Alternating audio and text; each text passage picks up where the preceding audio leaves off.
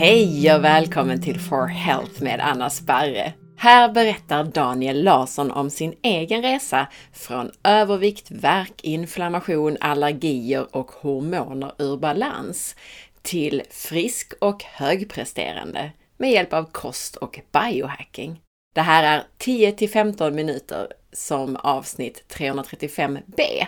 Bonusmaterial till intervjun med Daniel i avsnitt 335 som handlar om ljus. Det här är alltså den längre versionen av hans bakgrundsberättelse om sig själv. Jag finns på facebook.com forhealth.se och på Instagram som asparre. På forhealth.se hittar du mina e-böcker och du kan gå min distanskurs om du vill få grunderna kring kost, hälsa och viktnormalisering. Och så kan du boka mig som föreläsare, både online och på plats. På forhealth.se kan du även anmäla dig till nyhetsbrevet som kommer ungefär en gång per månad. Jag börjar min resa hälsa, egentligen i ohälsa tror jag som många gör när man börjar med hälsa. Liksom. Man bör, det börjar med att man mår dåligt och att man vill fixa det. Hållit på och labbat sedan jag var 20 år typ eh, med liksom träning, tillskott, bygga muskler. Klassisk killgrej kan jag tänka mig. eh, men min riktiga resa började väl runt 2010.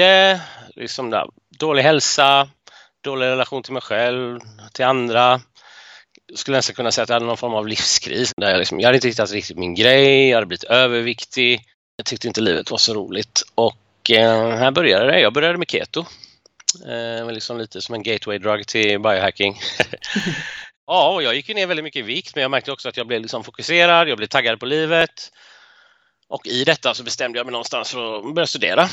Eh, så jag började studera till ingenjör och eh, det var det här egentligen den riktiga biohackingresan började kan man säga. Man kom i kontakt med vetenskapliga studier och jag började nörda och labba med mig själv var mycket fokus på liksom minnesträning, eh, hur kan jag studera snabbare, hur kan jag liksom prestera bättre. Och så någonstans där så dök jag på begrepp, begreppet biohacking. Jag lyssnade på en podd med Joe Rogan tror jag 2013 och där dök Dave Asprey upp. Och då kände jag väl, oj, det där har jag hållit på med hela mitt liv. Jag visste inte att det hette biohacking. vad häft, vad fett liksom. Ja, så här öppnas ju typ en hel värld upp med liksom massa studier, tillskott, appar, böcker, eh, liksom det fanns allting. Och jag gick väl all in i det, liksom. trodde att jag behövde köpa allt och göra allt. Liksom, eh, allt från vattenrening till jordning till eh, rödljusterapi terapi till ozon, ja men du vet, you name it. Liksom hänga upp och ner, meditera, yoga, andas. Det var jättetransformerande för mig måste jag säga och såklart gjorde det till att jag, mina studier gick bra. Jag tog en master. Eh, jag hade mycket problem tidigare kring liksom så här små inflammationer, eh, förkylningar, allergier. Jag har liksom haft problem hela mitt liv, värk. Eh, och I allt det här labbandet så liksom började jag liksom, ja, du vet, keto, paleo, började jobba mycket med fasta. Gick över och körde carnivore diet i typ tre år nästan och lyckades i stort sett få bort alla de här grejerna. Det har varit en eh, lång resa. Sen 2020 så gick jag ur en relation och då insåg jag att jag behövde fokusera mer på personlig utveckling och den inre resan. Så att sen dess har det varit mer yoga, meditation, försöka möta mig själv, mina rädslor, förbättra relationen till mig själv och andra och göra arbetet liksom. Och försöka implementera allt jag har lärt mig och givetvis fortsätta vara nyfiken. För de som lyssnar som inte är helt insatta i allt det här. Du sa keto, då menar du en ketogen kost, eller hur? En sån superstrikt lågkolhydratkost egentligen. Precis. Och carnivore, vad äter du det fortfarande, nå någonting av det här? Alltså carnivore, då äter man ju bara animaliskt kan man säga. Ja, precis. Jag kan väl säga så här att jag äter en eh, köttbaserad kost men jag märkte efter några år att jag mår faktiskt bättre med lite carbs. Så att idag äter jag ganska mycket frukt. Jag äter väldigt mycket kött, jag äter lite ris och så men jag är väldigt restriktiv med typ bröd, pasta, eh, allt sånt. Så skulle vi kunna säga carnivore-ish diet. Eh, kött och frukt.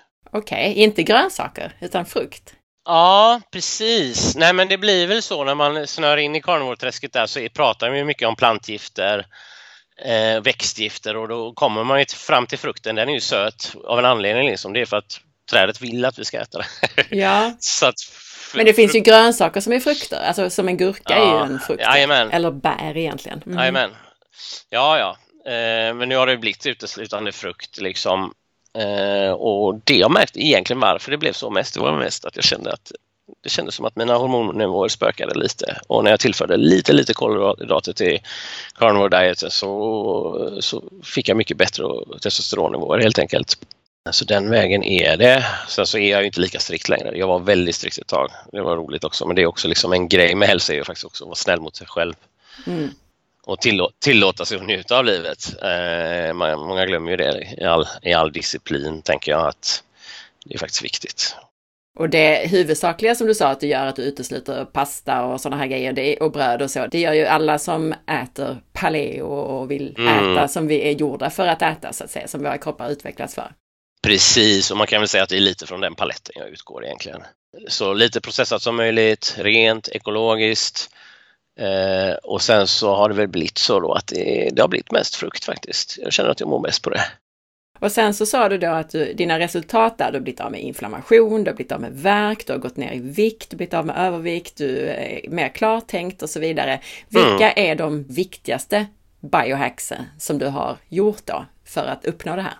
Oj, oj, oj. Ja, det, det är så svårt att säga, men, för jag har gjort så mycket grejer. Men vad, vad, liksom, vad jag märkte som var väldigt stort för mig när jag väl när jag började då, som verkligen funkade väldigt bra för min mage, det var ju periodisk fasta. Jag, jag körde det i väldigt många år och det, det kändes ju som att det var helt supertransformativt. Sen måste jag säga en annan sak som är väldigt bra, som är bara så här, skippa alkohol. Sen eh, det var ju också så här, sluta dricka. Alltså, herregud vad mycket bättre man mår. Och vad mycket andra intressen man får i livet, liksom, vad mycket grejer som händer när man, när man är liksom inte, man tar bort ett socialt sammanhang och det, då efter ett tag så kommer man ersätta det med någonting annat liksom. Mm. Och Mm. hitta, lik, li- hitta likasinnade. Och när du säger periodisk fasta, är det ett dygn, är det 16-8, vad är det som du har använt dig av?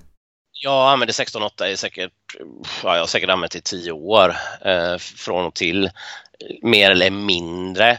Men sen så under en period då la jag också in mycket så här tre dagars faster, 24 timmars faster. Jag implementerar det ibland nu men eh, generellt är det väl mest så här, ja, eh, ät inget på kvällen och vänta till lunch. Mm. Det- Så det- 16 timmar fasta över natten ja. ungefär? Ish, ish liksom. Det är också där. Det, det, det beror lite på vad jag ska göra. Ska jag inte träna kanske jag fastar längre. Ska jag träna så kanske jag inte fastar så länge. Men den har ju verkligen varit eh, super för mig. Och sen så när jag körde carnivore så är det ju säkert så här också. All, tänkte all mat som man utesluter. Jag hade ju så låga, alltså det var ju så, typ, okej jag brukar ha en CRP mellan 1 och 3 och liksom helt plötsligt hade jag efter träning 0,2 eh, så här. Ingen inflammation alls och det, det, är ju, det är ju jätteweird men eh, bara för lyssnarna nu som inte hänger med här kanske på allt, så CRP menar du inflammationsmarkören. precis. Mäter du det själv, på dig själv? Nej, jag gick och mätte det rätt mycket under en period. Det var också med i en studie så jag fick, jag fick, eh, fick de värdena mätta åt mig gratis då under en period när jag körde carnivore. Och det var ju, det var ju verkligen det där man kunde se att det hände någonting. Nästan alla som lyssnar har ju ett hälsointresse, men det ser väldigt olika ut. Vissa äter mer, ska vi säga, mot det vegetariska hållet och väldigt grönsaksbaserat. Men de flesta är nog ändå överens efter att ha lyssnat på podden om att, att man försöker äta åt det paleo-hållet, vilket Mm. betyder att man undviker så här nya livsmedel som mjöl. De flesta under, eh, försöker nu i alla fall, eller tänker att man ska undvika mejeriprodukter, socker och tillsatser. Mm. Menar du att de också som inte äter, ska vi säga strikt keto eller carnivore eller så, att, att det är också en väg att gå, men kanske då via att använda sig av periodisk fasta och så, att man också kan bli friskare på det sättet? Eller är du väldigt så här, nej det ska vara keto och carnivore? Nej, jag är väldigt öppen. Jag tycker att man får labba med sig själv och hitta sin grej. Liksom. Man måste ju också göra det som funkar socialt, så man får ha en bra livskvalitet. Mm. Eh, Men eh, jag tror att det kan vara en stor nyckel att bara ja, skippa, skippa en eller två måltider om dagen. Just det. Börja med det och sen så får man väl testa vidare. Liksom. Jag har hittat min grej Eh, och den är inte säkert att den funkar för alla. Liksom.